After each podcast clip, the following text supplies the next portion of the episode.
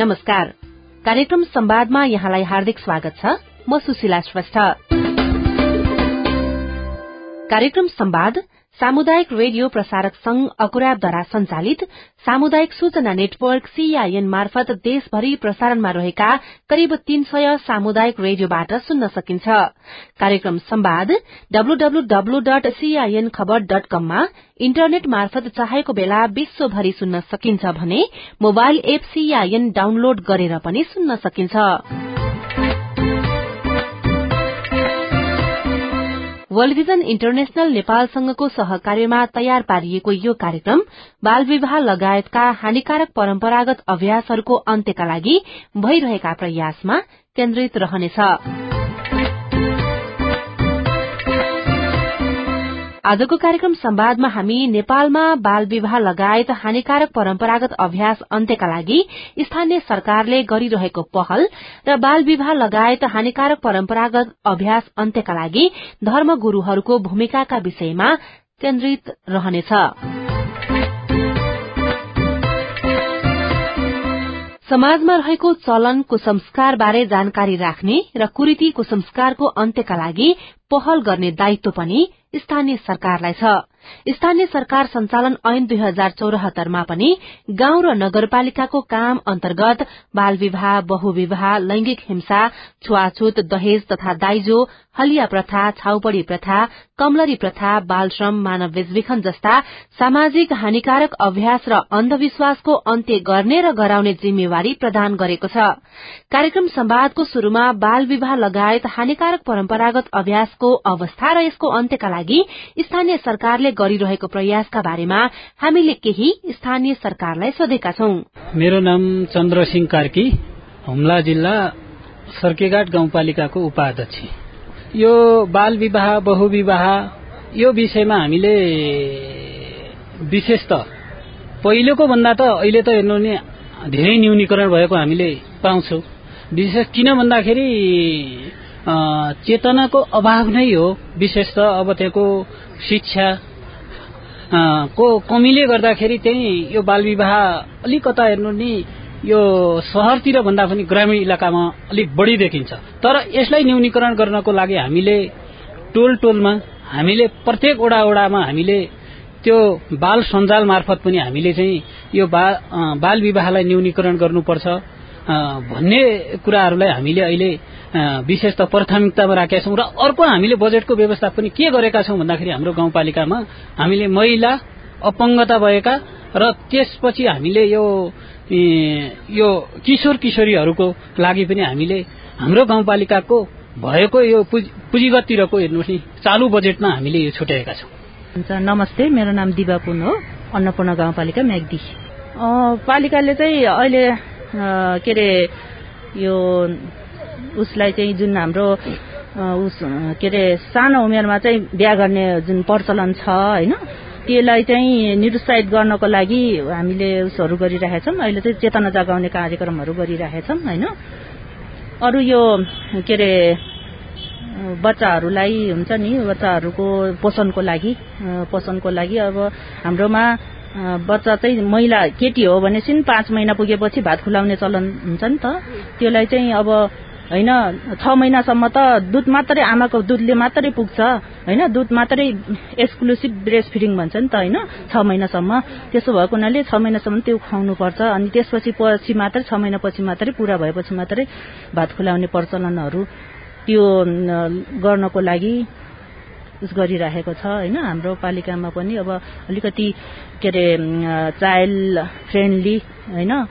के भन्छ बाल मैत्री स्थानीय तह घोषणा गर्नको लागि हामीले तयारीहरू गरिरहेका छौँ चुनौती के छ यो? अब जस्तो हानिकारक परम्परागत अभ्यासमा त बाल विवाह पनि भयो बहुविवाह पनि भयो अब महिला हिंसा पनि भयो लैङ्गिक विभेद पनि भयो धेरै कुराहरू छन् नि त। यसको अन्त्यका लागि चाहिँ अब लामो समयदेखि पालिकाले काम गरिरहेको छ। यसभन्दा अघिको प्रतिनिधिहरूले पनि गर्नुभएको थियो। के छ? चुनौती चाहिँ के देख्नुहुन्छ? ठ्याक्कै अन्त्य हुन नसक्नुको। यो बाल विवाहमा चाहिँ अलिकति आजभोलि चाहिँ बढी केटाकेटीहरू चाहिँ उहरू फेसबुकहरू हेर्ने होइन? त्यस त्यसैबाट चाहिँ फिल्महरू हेर्ने अनि त्यसपछि त्यही तरिकाले चाहिँ लभहरू गर्ने अनि त्यसपछि तिनीहरूलाई चाहिँ छुट्याइदिन खोज्यो भनेदेखि झन् नराम्रो परिणामहरू निस्किने के? अब आत्महत्या गर्न खोज्ने त्यस्तै त्यस्तै खालको। त्यो भएर अलिकति चुनौती त्यहाँनिर अरू अभिभावकबाट भन्दा पनि ऊबाट नै के? बालबालिकाहरूबाट नै उस हुने त्यस्तोहरू अलिकति चुनौती छ होइन? र कतिपयको चाहिँ अलिकति अभिभावकहरू पनि होइन कहाँ अठार वर्षमा त कम्तीमा नि बिहा गरिदिनुपर्छ बुढो भइसक्छ बुढी भइसक्छ भनेर त्यस्तो गर्ने कुराहरू पनि कतिपय त बुझेकै मान्छेहरूले पनि के त्यस्तो कुराहरू ल्याउनुहुन्छ होइन? र हामीले चाहिँ अब उमेर नपुगिकन बिहा गर्दाखेरि होइन? महिलाहरूको चाहिँ एउटा त त्यो प्रजनन स्वास्थ्यमा समस्या आउन सक्छ। अनि अर्को कुरा चाहिँ अब उनीहरू चाहिँ आफैमा चाहिँ डिपेन्डेन्ट सेल्फ डिपेन्ड भइसकेको हुँदैनन् त्यसले गर्दा उनीहरूलाई पछि गएर धेरै किसिमको समस्याहरू आउन सक्छ। त्यसो भएको हुनाले हामीले उमेर पुगेपछि बिस वर्ष पुगेपछि मात्रै बिहा गर्नुपर्छ भन्ने खालको सन्देशहरू दिने कार्यक्रमहरू गरिरहेको छ होइन? अनि त्यस्तै गरी अर्को चाहिँ हानिकारक अभ्यास चाहिँ अर्को यो उस के के भन्छ रजस्वला हुँदाखेरि बार्ने प्रचलन के त्यो छ होइन? कतिपय जातिहरूमा चाहिँ नभए पनि आजभोलि फेरि सिक्ने के? अब जसले चाहिँ बार्छ नि त्यसलाई चाहिँ राम्रो भन्ने खालको कुराहरू त विभिन्न अब धार्मिक कार्यक्रमहरू के केबाट चाहिँ उस हुँदै जाँदाखेरि होइन? अब नबार्नेहरू चाहिँ अलि यो चाहिँ असभ्य हो कि भन्ने खालको तरिकाले हेर्ने गर्दाखेरि चाहिँ धेरैले चाहिँ त्यो बार्ने प्रचलनहरू अरू न पहिला नबार्ने जातिहरूमा पनि सरेको अवस्था छ होइन? र त्यसले गर्दाखेरि त्यो मेन्सुरेसन बार्ने गर्दाखेरि कतिपयलाई चाहिँ त्यो चिसोमा बस्नुपर्ने होइन? अनि त्यसपछि सफा उसहरू प्रयोग नगर्ने के? थाङ्ना थाङ्ना उसहरू टालहरू प्रयोग गर्ने। प्याडहरू त आजभोलि धेरै जसो सफाइ युज गर्नेमा गइरहेको छ होइन? तर उस चाहिँ बस्ने ठाउँहरू हुन्छ नि त्यो बस्ने ठाउँहरू चाहिँ अलिकति त्यति बेला अलि चिसो ठाउँहरू अलग्गै बस राख्नेहरू प्रथा छ कि कतिपयमा। त्यसलाई चाहिँ त्यो पनि हामीले जनचेतनाकै उसहरू कार्यक्रमहरू गरिरहेको छ अहिलेसम्म होइन? त्यो नै गरिरहेका छौँ। चुनौती अब यो त नबार्नेले पनि बार्न सुरु गरे भनेको त यो त राम्रो पक्कै पनि भएन होइन? अब यसको न्यूनीकरणको लागि चाहिँ पालिकाले कदम त चाल्ला। कसरी काम गरिरहनु भएको छ? त्यही त हामीले अहिले त जबरजस्ती गर्ने कुरा चाहिँ भएन होइन? त्यसो भएर त्यो चेतना जागरणकै कामहरू गरिरहेको छ होइन? त्यो नै हो चेतना जागरण। अभियानमा चाहिँ धार्मिक अगुवाहरूलाई नै अघि सार्ने सहकार्य गर्ने क्रम पनि सुरु भएको छ हामीले होइन? के अरे विभिन्न किसिमको धर्मका गुरुहरू हुन्छन् नि पुरोहितहरू गुरुहरू। उहाँहरूलाई चाहिँ त्यो कुराहरू बुझाएर उहाँहरूले नै होइन यो महिनावारी बाँड्न पर्दैन भनेर चाहिँ त्यो बाँड्ने भनेको त सरसफाइ हुने त्यो कुराहरू हो होइन। त्यो त्यति बेला चाहिँ लोग्ने मान्छे र श्रीमती चाहिँ त्यो यौन सम्पर्क चाहिँ नगर्ने भन्ने कुरा हो। त्यो भन्दा अरू बढी होइन भन्ने खालको तरिकाले उहाँहरूले जहाँ चाहिँ उहाँहरूलाई ट्रेनिङ दिएर उहाँहरूलाई त्यो कुराको एडभोसी एडभोकेसी गर्न लगाइएको छ त्यो त्यो तरिकाले पनि गइएको छ। सकारात्मक प्रभाव परेको छ नि? परेछ। म दैलेख जिल्ला डुङ्गेश्वर गाउँपालिकाको उपाध्यक्ष र हजुरले सोधेको प्रश्नमाथिको उत्तर दिँदा र अथवा त्यहाँको न्यायिक समितिको क्षेत्रमा अब हामीले पाएको जिम्मेवारीको सबैभन्दा न्यायिक क्षेत्र नै उपाध्यक्षलाई न्यायिक क्षेत्रको नै भूमिका ठुलो छ र जिम्मेवारी पनि त्यही छ भन्ने कुरा मलाई महसुस भएको छ। काम गर्न सहज छ? काम गर्नु सहज छैन। किनभनेपछि त्यसमा अब कानुनी जटिलता एकदम छ र कहिलेकाहीँ कानुन बाजिने खालको हुन्छ र हामीलाई अधिकार त्यहाँ स्थानीय अधिकार एकदम कम हामीलाई दिएको कार्यक्षेत्रको अधिकार त्यो भित्र भन्दा पनि हामीलाई मुद्दाहरू अन्य फौजदारी खालको मुद्दा त्यहाँ स्थानीय सरकारमा आउने र हामीले त्यो मुद्दा कारण गर्न नमिल्ने भएको हुनाले जनताहरूले अथवा त्यहाँ न्यायिक क्षेत्रमा आउने पीडित पक्षहरूले हामीले स्थानीय संहिताको एउटा संघीय व्यवस्थाको अनुभूति भयो जस्तो भएन। यदि कसैले बाल बिहा गर्यो बाल बिहाको पक्षमा उपाध्यक्षले त्यसको न्याय निरूपण गर्न नपाउने र उसलाई फेरि जिल्ला अदालतसम्म पठाउनु पर्ने अगाडि बढाउनु पर्नको निमित्त साधन स्रोत पनि हामीले त्यसको अधिकार क्षेत्र नभए हुनाले नछुट्याउने त्यसपछि उहाँहरूलाई पनि त्यो क्षेत्रमा न्याय दिन नसक्ने भएको हुनाले न्याय दिने क्षेत्रमा एकदम जटिलता छ। यस्तै धेरै छन् बहुविवाहका केसहरू बाल विवाहका केसहरू यस्ता केसहरूमा एकदम समस्या छ। बढी गाउँघरमा घरेलु हिंसा पनि आउँछ। तर त्यो घरेलु हिंसा आइसकेपछि अब घरेलु हिंसाको अवस्था र उसको प्रवृत्ति हेरेर नै गर्ने भन्छ। अब सधैँ घरेलु हिंसाभित्र भइराख्या हुन्छ। तर त्यसलाई हामीले निराकरण गर्ने क्षेत्र एकदम कम दियो कि दिएन कि। अब अधिकार दिएन। अधिकार हुन त हामीलाई विश्वास अब यतिसम्म सान सान कुलो सुलो यति नै यिनीहरूको क्षेत्र हो कि यिनीहरूको दिमाग यहीँसम्म हो कि भन्ने सोचेर दिया हो कि? अथवा अब यो एउटा ठिक छ उपाध्यक्षले यति गरेपछि न्याय भइहाल्छ भनेर दिया हो कि? तर यो सन्तोषजनक छैन। कस्तो खालको जिम्मेवारी चाहिँ चाहनुहुन्छ? जिम्मेवारी राज्यले जिम्मेवारी दिइसकेपछि न्यायिक क्षेत्रमा हामीलाई पनि तालिम दिनु पर्थ्यो उपाध्यक्ष भइसकेपछि। उपाध्यक्ष भइसकेपछि हामीलाई पहिलो क्लास हामीलाई न्याय समिति तालिम दिनु पर्थ्यो। दिइसकेपछि हामीले उहाँहरूले पनि अधिकार त्यो समुदायमा कति घटनाहरू घट्छन् र तिनी घटनाहरूको वास्तविकता बुझेर अधिकार दिनु पर्थ्यो तर अलिकति माथिबाट थोरै चारो हाले जस्तो गरेछ अब अधिकार त त्यो क्षेत्रमा बसिसकेपछि अधिकार त पूर्ण चाहियो नि त। कार्यान्वयन क्षेत्रमा बस्ने अनि अधिकार अधुरो छ भने त त्यो आएको काम हामीले पूरा गर्न सकेका छैनौँ। अब माथि पठाउनु पर्छ अब संघीयता जस्तो छैन भनौँ। जिम्मेवारी पाइयो तर कुन तरिकाले जिम्मेवारी पूरा गर्ने भनेर बाटो चाहिँ क्लियर छैन स्पष्ट छैन। जिम्मेवारी पाइयो र त्यो त्यसलाई कसरी क्लियर गर्ने भन्ने कुरामा स्पष्टता छैन। अझै पनि। म दिलबहादुर थापा बझाङ जिल्ला दुर्गाथली गाउँपालिकाको अध्यक्ष। पालिकाको प्राथमिकतामा यसो हो अब त्यहाँ हिजोकै आँखाबाट चाहिँ हेर्न भएन। हिजो हामी त्यो व्यवस्था यो व्यवस्था भनेको नौलो थियो। यो व्यवस्था लाई चाहिँ बिस्तारै परिमार्जन गर्दै लैजाने कुरा पनि होला। अब अहिले सबै कुराहरू एकैचोटि बन्छन् र सम्भव हुन्छ भन्ने कुरा पनि होइन। त्यहाँ मैले भने त्यहाँ बजेट हाम्रो लगभग पूर्वाधार विकासको बजेट हेर्दाखेरि पाँच करोड वरिपरि हुन्छ। पाँच करोड एउटा घर बनाउन सक्ने स्थिति हुँदैन। कसरी गाउँपालिका बनाउन सकिन्छ? सम्भव छ त? त्यस्तो दुर्गम भूगोल छ। बिहान तपाईँले केही गर्नु भने बेलुका भत्किसक्छ। बेलुका केही गर्नु भने बिहान भत्किसक्छ। होइन? तपाईँको पाँच करोड पैसाले सय मिटर बाटो पिच बनाउने बनाउन सकिँदैन। त्यहाँ त्यस्तो हजारौं मिटरहरू बा, किलोमिटर बाटाहरू बनाउनु पर्ने अवस्था छ भने अनि गाउँपालिकाको बजेटले मात्रै त्यो कुरा सम्भव छैन। यो तीनटा सरकारहरूको बीचको कोर्डिनेसन जस्तो खालको हुनुपर्छ। त्यो हुन सकिरहेका छैन। एउटा दुईटा गौरव योजना स्थानीय सरकारले बनाउने एउटा दुईटा गौरवको योजना चाहिँ प्रदेशले बनाउने र एउटा योजना भए पनि संघले ठूलो गौरवको योजना बनाएर त्यहाँको विकास समृद्धिमा बरु तपाईँहरू पहिचान गर्नुहोस्। के के गर्ने? मेरो गाउँपालिकामा दुर्गाथली गाउँपालिकामा ल के के गर्ने हो? ल दुईटा गौरवको योजना दे। भनेन म प्रदेशलाई दुईटा गौरवको योजना दिन्थेँ। त्यसै गरी संघलाई अर्को योजना दिन्थेँ र अनि आफू एउटा दुईटा गौरवको योजना बनाइकन पाँच वर्षभित्र चाहिँ सम्पन्न गर्ने गरिकन हामीले योजना बनाएर गयौँ भने सम्भव छ। नत्र भने अब हाम्रो ध्यानै पुगेन चासै नपुगेका कुरा हुँदैन बजेट हुँदैन। ध्यान दिएर मात्रै के गर्ने? भनिदिएर भाषण गरिदिएर मात्रै त सबै कुरा हुँदैन नि। होइन पाँच करोड पैसाले फेरि त्यो ओडालाई नै बाँड्नुपर्छ। अनि विकास हुन्छ। सम्भव छ त्यो कुराले।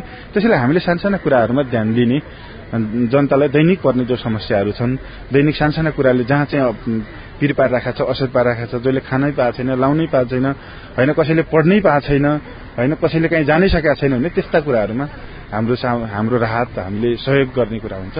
हामी त्यसरी गर्न जान्छौँ र ध्यान नपुग्ने भन्ने कुरा होइन ध्यान पुग्दा पुग्दा पुग्दै पनि हाम्रो आर्थिक अवस्था र स्रोतका कारणले त्यस्तो हुन गएको तपाई अहिले साप्ताहिक रेडियो कार्यक्रम संवाद सुनिरहनु भएको छ। वर्ल्ड भिजन इन्टरनेशनल नेपालसँगको सहकार्यमा तयार पारिएको यो कार्यक्रम बाल विवाह लगायतका हानिकारक परम्परागत अभ्यास अन्त्यका लागि भइरहेका प्रयासमा केन्द्रित रहेको छ। नेपाल बाल विवाह हुने देशहरूमध्ये उच्च जोखिममा रहेको छ। नेपाल सरकारले सन् दुई हजार तेइससम्म बाल विवाह अन्त्य गर्न राष्ट्रिय रणनीति बनाई कार्यान्वयनमा समेत ल्याएको छ। यस रणनीतिलाई सफल पार्न स्थानीय सरकारको भूमिका अहम हुने कुरा त हामीले चर्चा गरिसकेका छौं। सोही अनुसार बाल विवाह अन्त्यका लागि अभियान पनि स्थानीय सरकारले सञ्चालन गरिरहेका छन् तर पनि यसको पूर्ण अन्त्य हुन भने सकेको छैन। कार्यक्रममा बाल विवाह लगायत हानिकारक परम्परागत अभ्यास अन्त्यका लागि धर्मगुरूहरूको चाहिँ कस्तो भूमिका रहन्छ त भनेर हामीले धर्मगुरूसँग कुरा गरेका छौं। म पण्डित दिनबन्धु पोखरेल सामाजिक अभियन्ता। राष्ट्रिय अन्तर्राष्ट्रिय स्तरमा चाहिँ एउटा पूर्वीय दर्शन चिन्तन अध्यात्म दर्शन भौतिकवाद सबैको विषयको समायोजन गरेर समाजमा नयाँ सन्देश प्रवाह गर्नुपर्छ विकृति विसङ्गतिको अन्त्य गर्नुपर्छ भन्ने अभ्यासलाई विश्व स्तरमा उठाएर हिँड्ने एउटा कार्यकर्ताको रूपमा म चिनाउन चाहन्छु। सर्वप्रथम यो गहन विषय उठान गर्नुभएकोमा यहाँलाई यहाँको रेडियोलाई हार्दिक धन्यवाद व्यक्त गर्न चाहन्छु म। विशेष त यो विकृति विसङ्गति जुन एउटा कालखण्डमा एउटा अन्धविश्वास या रूढिवादको रूपमा पछि विकसित हुँदै परम्पराको रूपमा अगाडि बढ्यो यो धर्मसँग जोड्ने चलन छ यो यो प्रवृत्ति चाहिँ गलत छ। यो धर्मसँग कुनै सरोकारै छैन। धर्म भनेको एउटा ब्रह्माण्डीय हुन्छ युनिभर्सल हुन्छ जस्तै बाघले घाँस मासु खानु उसको धर्म हो गाईले घाँस खानु धर्म हो। धर्म चाहिँ एउटा चाहिँ जन्मसिद्ध एउटा स्वभाव आदतका विषयहरू पनि यससँग जोडिएका हुन्छन्। त्यही भएर मनुष्यबाट गरिएका एउटा विकृति विसङ्गतिका आयामहरूलाई लिएर यसलाई धर्मसँग जोड्नु गलत हो। र मुख्यतः यो बाल विवाह जस्ता चाहिँ एउटा एउटा रूढिवादी सोच र एउटा चाहिँ विकृति छ। यसको समूल अन्त्यको लागि चाहिँ हामी जस्ता सामाजिक अभियन्ताहरू या धार्मिक आध्यात्मिक क्षेत्रमा काम गर्ने कार्यकर्ताहरूले यसलाई सघन रूपमा यो विषयको उठान गरिकन यसको समूल अन्त्यको प्रयास गर्नुपर्छ। यसमा कुनै दुविधा छैन। र यसको लागि हामीले काम पनि गरिरहेका छौँ। विभिन्न प्रवचनको माध्यमबाट या अन्य आयामहरूबाट पनि अनि जन जनमानसमा सुसूचित गर्ने जनमानसमा सन्देश प्रवाह गर्ने या जनमानसलाई यो धर्मसँग सम्मत छैन भन्ने हिसाबबाट चाहिँ सन्देश प्रवाह गर्ने इत्यादि काम हामीबाट भइरहेको छ। यो विषयमा यहाँहरू जस्तो एउटा राष्ट्रको चौथो अङ्गको रूपमा रहनु भएको सञ्चार जगतले पनि जनमानसमा एक खालको जागृति पैदा गर्छ। यसको अन्त्यका लागि प्रयास गर्नुपर्छ भन्ने मेरो मान्यता छ। त्यसरी यहाँले प्रवचन दिँदै गर्दाखेरि चाहिँ तपाईँका जजमान भन्ने कि अब उहाँलाई भक्तजन भन्ने उहाँहरूबाट चाहिँ कस्तो खालको प्रतिक्रिया पाउनुहुन्छ यहाँले? अब सुरु सुरुमा अब अलिक पुरातनवादी सोच भएका बुढा पुरानाहरूमा त एउटा मस्तिष्कमा सानैबाट चाहिँ जकडिएको एउटा विचार त्यो उखेलेर फ्याल्न अलिकति गाह्रो गाह्रो हुन्छ। तर अहिलेका युवा पङ्क्ति जो छन् अनि अहिलेका अलिकति चाहिँ आधुनिक शिक्षा लिएका साक्षर जगत शिक्षित जगत छ जो। त्यो समुदायमा चाहिँ यो धर्मको दोष होइन त्यो प्रकारान्तरमा कालान्तरमा कुनै एउटा आफ्नो काम र स्वार्थका लागि चाहिँ गरिएको एउटा गलत प्रवृत्ति हो। यो प्रवृत्ति पछि परम्पराको रूपमा विकास भयो भन्ने चाहिँ अहिले जनमानसमा ठुलो प्रभाव परेकै छ। त्यसले गर्दाखेरि अब दुई चार वर्षमा चाहिँ यो समाजमा व्याप्त हुँदैन विद्यमान रहन्न भन्ने लाग्छ। अहिले नेपालको कानूनले पनि वर्जित गरेका सवालमा अहिले त छिटपुट त्यस्ता घटना बाहेक अरू बाल विवाहका प्रसङ्गहरू पनि नेपालमा त्यति रहेको मैले पाएको छैन। जुन एक दशक अगाडि पाँच सात दस वर्ष अगाडि थियो त्यो अहिले छैन भन्ने मैले बुझेको छु। त्यसको लागि चाहिँ हामी अलि सघन रूपमै लागेका छौँ भन्ने म जानकारी पनि गर्न चाहन्छु। जस्तो धर्मले पनि बाल विवाह गर्नु हुँदैन भन्ने कुरा भनेको छ भनेर यहाँहरूले पनि भनिरहनु भएको छ। धर्मगुरु स्वयं आफैले भनिरहनु भएको छ। नेपालको कानूनले पनि बाल विवाह चाहिँ गैर कानूनी हो यो गर्नु हुँदैन यो अपराध हो भनेर दण्डनीय मानेको छ। र पनि बाल विवाह जुन अनुपातले अन्त्य हुनुपर्ने हो त्यो चाहिँ अझ पनि हुन सकेको छैन। पछिल्लो समय बाल बालिका स्वयं आफै भागेर विवाह गर्ने चलन पनि बढ्दो छ। यसले थप प्रशय दिएको जस्तो देखिन्छ। बाल विवाह पूर्ण रूपमा अन्त्य हुन नसक्नुको पछाडिको कारण चाहिँ कसरी केलाउनुहुन्छ यहाँले? अब यो धर्मशास्त्रकै कुराहरू गर्नुभयो जस्तै कृष्ण रुक्मणीको विवाह चाहिँ प्रेम विवाह हो उहाँले पच्चिस वर्षमा विवाह गरेको प्रसङ्ग धार्मिक ग्रन्थहरूमा पाइन्छ। अब द्रौपदी अब लक्ष्मणहरूको प्रसङ्ग पनि छ त्यसै गरिकन शिव पार्वती पार्वतीले त आफै वर चुन्ने काम गर्नुभएको। यी यावत कुराहरू उमेर पुगेपछि वर रोप्ने परम्परा पहिलेदेखि हाम्रो धर्मशास्त्र पुराणहरूमा उल्लेख छ बाल विवाह कुराहरू उल्लेख भएको पाइन्न र विशेषतः अब अहिले जुन चाहिँ एउटा यो टिनेजर भने कस्तो हुँदो रहेछ भन्नु भन्नुहुन्छ भनेदेखि विशेष त यो थर्टिनदेखि नाइन्टिन तेह्रदेखि उन्नाइस वर्षको टिनेज भन्छ। अहिले युनिभर्सल त्यो सबै ग्लोबल्ली यसलाई टिनेजर भनेर चाहिँ मानिन्छ यो वर्षलाई। यो बेलामा चाहिँ व्यक्ति अलिकति इमोसनल हुन्छ पनि भावुक हुन्छ। भावनात्मक रूपमा अगाडि बढ्छ र सानो कुराले पनि उद्वेलित हुने। यो बिचमा बढी चाहिँ आत्महत्या गर्ने पनि सानो कुराले पनि व्यक्ति चाहिँ विचलित हुने अनि अलिकति उत्कर्षमा पुग्ने। यी यावत कुराले गर्दा केटाकेटीमा एउटा बुद्धि र प्रज्ञाको सही विवेकले सही रूपमा यो राम्रो नराम्रो भनेर निर्णय गर्नुभन्दा पनि भावावेश आएर काम गर्ने अलिक इमोसनल हुने हुनाले त्यसले गर्दाखेरि चाहिँ उनीहरू अलिकति छिटो निर्णय गर्ने र भावुक बनेर चाहिँ निर्णय गर्दाखेरि त्यही सत्र अठार उन्नाइस बिस वर्षमा पनि अब अहिले देख्नु भएको छ नि समाजमा चाहिँ विभिन्न कुराहरू यो बलात्कारका कुरा त्यसपछि अन्डर एजमा चाहिँ हुने चाहिँ एउटा जबरजस्ती करणीका कुराहरू पनि आइरहेका छन्। यी यावत कुराहरू भावावेशमा भएर हुने निर्णय हुन्। यिनलाई पनि रोक्नका लागि जनमानसमा किसिमको चाहिँ राज्यदेखि लिएर सञ्चार जगतदेखि लिएर हामी सामाजिक अभियन्ताले पनि ठुलो काम गर्नुपर्छ भन्ने मैले बुझेको छु। र अर्को कुरा चाहिँ यो बाल विवाहका सवालमा अलिकति पुरातनवादी हजुरबा हजुरआमाको चाहना कन्यादान गर्न पाए हुन्थ्यो बुढेसकाल भयो सानै उमेरमा कन्यादान गर्न पाए राम्रो हुन्थ्यो भन्ने एक किसिमको चाहनाले पनि काम गरिरहेको छ। मैले अघि नै भने अन्धविश्वास र रूढिवादले पनि काम गरिरहेको छ। अब एउटा गरिबीले पनि काम गरिरहेको छ। कतिपय तराईतिर चाहिँ दाइजो प्रथा चाहिँ अलिकति बढेको हुनाले त्यो चाहिँ एक किसिमको तराईमा चाहिँ अलिक प्रभाव बढी भएको हुनाले सानोमा उमेर बिहा गर्दाखेरि दाइजो कम दिनुपर्ने इत्यादि कुराहरूले पनि त्यसमा प्रभाव पारेको छ। त्यसले गर्दाखेरि हामीले यसलाई चाहिँ अलिकति जनमानसमा जागरणको साथमा काम गर्नुपर्छ र यसको अन्त्य प्रयास गर्नुपर्छ भन्ने मैले मानेको छु यो अन्य हाम्रो सामाजिक कुरीतिहरू छ कुसंस्कारहरू जातीय विभेद छुवाछुतका कुराहरू छन् त्यसपछि महिला हिंसाका कुराहरू छन्। दाइजो प्रथा तपाईँले पनि भन्नुभयो भर्खरै अनमेल विवाहको कुराहरू पनि छन् बहुविवाहका कुराहरू पनि छन्। थुप्रै छन् सामाजिक कुरीति अझ पनि यथावत रहेको देखिन्छ समाजमा। यसको अन्त्यको लागि चाहिँ धार्मिक अगुवाहरूको भूमिकालाई कसरी लिनुहुन्छ यहाँले? अब यसको लागि छुवाछुतको विषयमा त मैले प्रखर रूपमा विभिन्न सञ्चार माध्यममा आफ्नो कलम चलाउनेदेखि लिएर प्रवचनको माध्यममा सुसूचित गर्ने जनमानसमा तपाईँले अघि भन्नु भक्तजनमा त्यो किसिमको ज्ञान प्रवाह गर्ने अनि ठाउँ ठाउँमा चाहिँ के अरे यो सहभोजदेखि लिएर चाहिँ अहिले सामूहिक अनि एउटा चाहिँ धार्मिक कार्य गर्नेदेखि लिएर चाहिँ काहीँ काहीँ पुजारीहरू नियुक्त गर्नेदेखि त्यो कथित दलित समुदायबाट उत्पीडित समुदायबाट चाहिँ पुजारीहरू नियुक्त गर्ने उहाँहरूलाई ज्ञान दिने एक किसिमको मूल प्रभाव ल्याउने इत्यादि कामहरू म आफैले पनि मेरो टिमले गरिरहेकै छ। र त्यसका अलावा विकृति विसङ्गति गर्ने आयामहरू पनि छन् महिला हिंसाका कुराहरू पनि छन्। जे हाम्रो चाहिँ के कस्तो प्रवृत्ति रह्यो भनेदेखि जे चाहिँ विकृति विसङ्गति छन् धर्मसँग जोड दिने यी कुराहरूले गर्दाखेरि धार्मिक विसङ्गति छ भनेर एउटा तत्कालिक धर्मलाई नै दोषारोपित गर्ने मात्रै काम भइरहेको छ। यो धर्मसँग सम्बन्धित विषयले होइन यो कृत्रिम रूपमा व्यक्तिहरूले ल्याएको विकृति विसङ्गति यो चाहिँ एउटा प्रवृत्ति जन्ने कमजोरी हो। यसलाई चाहिँ प्रवृत्ति जन्ने कमजोरीलाई यो प्रवृत्ति जन्ने हिसाबबाट नै यसको अन्त्य गर्नुपर्छ। लागिआएको छ। त्यसैले यो धर्मसँग सम्बद्ध अथवा धर्मले बोलेको या धर्मले चाहिँ धर्मले त वास्तवमा सङ्गत शब्दम सम्बोधम सम्भव बनाएपछि जानुताम भन्छ। सबै समान सबै खुसी सबै आनन्दित। हाम्रो धर्मले भन्ने हो भने त सर्वे भवन सुकिन भन्छ पृथ्वी पनि शान्ति जल पनि शान्ति अन्तरिक्ष पनि शान्ति वायु पनि शान्ति सूर्य पनि शान्त ग्रह पनि शान्त भनेर कल्पना गर्ने धर्म दर्शनले कहिले पनि यो विभेद गर्ने महिला हिंसा गर्ने या पुरुष र महिलामा विभेद गर्ने भन्ने कुरा चाहिँ वास्तवमा महिलालाई त हाम्रो दर्शनले त्यत्र नारी पूजन्ते रमन्ते तत्र देवता जहाँ जहाँ नारीको सम्मान हुन्छ त्यहाँ देवता रमाउँछन् भने।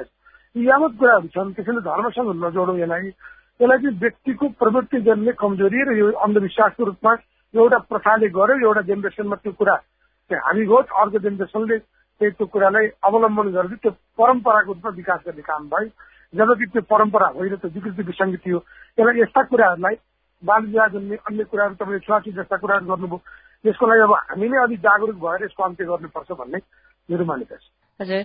नेपाल सरकारले पनि कुरीति विरूद्ध विभिन्न कार्यक्रमहरू तर्जुमा गरिरहेको हुन्छ। यहाँहरू पनि कुरीति विरूद्ध विभिन्न अभियान चलाइरहनु भएको छ। सरकारसँगको सहकार्यलाई चाहिँ कसरी लिनुहुन्छ यहाँहरूले? सरकारले यहाँहरूसँग सहकार्य गर्न खोजेको छ छैन? यहाँहरू चाहनुहुन्छ कि सरकारले हामीसँग केही सहकार्य गरे यस्तो मैले पाउन्न होइन। तर पनि मैले चाहिँ नेपाल सरकारका अलिकति जिम्मेवार निकायका पदाधिकारी प्रमुखहरू त्यसपछि सरकारी निकायको उच्च पदस्थ अधिकारीहरूसँग मेरो भेटमा कानूनलाई अझै प्रभावकारी ढङ्गबाट कार्यान्वयन गराउनुको लागि चाहिँ हामीले अलिकति बढी पहल कदमी गरेकै छौँ। बेला बेलामा उहाँहरूलाई हाम्रो प्रोग्रामहरूमा बोलाएर अनि त्यो धर्म ग्रन्थका विषयहरूमा यसको चाहिँ यसले चाहिँ कुनै दोष गरे होइन समाजमा विकृति विसङ्गतिका लागि होइन। यो चाहिँ प्रवृत्ति जन्ने दोष विसङ्गति जन्ने दोष रूढिवाद जन्ने दोष त्यसलाई चाहिँ कानुन अलिक कडा गरेर चाहिँ न्यूनीकरण गर्नका लागि अगाडि बढ्नुपर्छ। त्यसका लागि हामीले पनि सहयोग गर्छौँ यहाँलाई भनेर मैले धेरै पटक चाहिँ उच्च पदस्थ अधिकारीहरू सरकारी निकायका विभिन्न विधाका चाहिँ प्रमुखहरूसँग मैले आफैले पनि पहल गरिनु गरेको छु। राज्यले वास्तवमा हामी जस्ता सामाजिक अभियन्ताहरू र अन्य विधाका तपाईँले जस्तो सञ्चार जगतका व्यक्तिहरूलाई पनि बोलाएर एउटा फोरम क्रिएट गरेर समाजमा विद्यमान यावत विसङ्गतिहरू छन् त्यसको समूल अन्त्यको प्रयास राज्यले गर्नुपर्ने हो। विडम्बना कुरो भन्नु पर्यो त्यो काम हुन सकेका छैन। तर पनि हामी एउटा सामाजिक दायित्व निर्वाह गर्ने सामाजिक अभियन्ताको हैसियतले हामी सबैले यो कार्यदिशामा समाजलाई राज्यलाई सहयोग गर्नुपर्छ भन्ने मेरो मान्यता यो सँगै कार्यक्रम संवादको निर्धारित समय सकिने लागेको छ। आजको विषयवस्तु तपाईंलाई कस्तो लाग्यो? बाल विवाह लगायत हानिकारक परम्परागत अभ्यासहरूको अन्त्यका लागि तपाईंको केही अनुभव पो छन् कि? हाम्रो टेलिफोन नम्बर शून्य एक बान्न साठी छ चार छमा फोन गरेर आफ्ना अनुभव तथा सल्लाह सुझाव जिज्ञासा एवं प्रतिक्रिया रेकर्ड गराउन सक्नुहुन्छ। साथै तपाईंले हामीलाई हाम्रो Facebook page community information network CIN मा गएर पनि आफ्ना कुरा लेख्न सक्नुहुनेछ। हामी तपाईंको प्रतिक्रिया पर्खिरहनेछौ।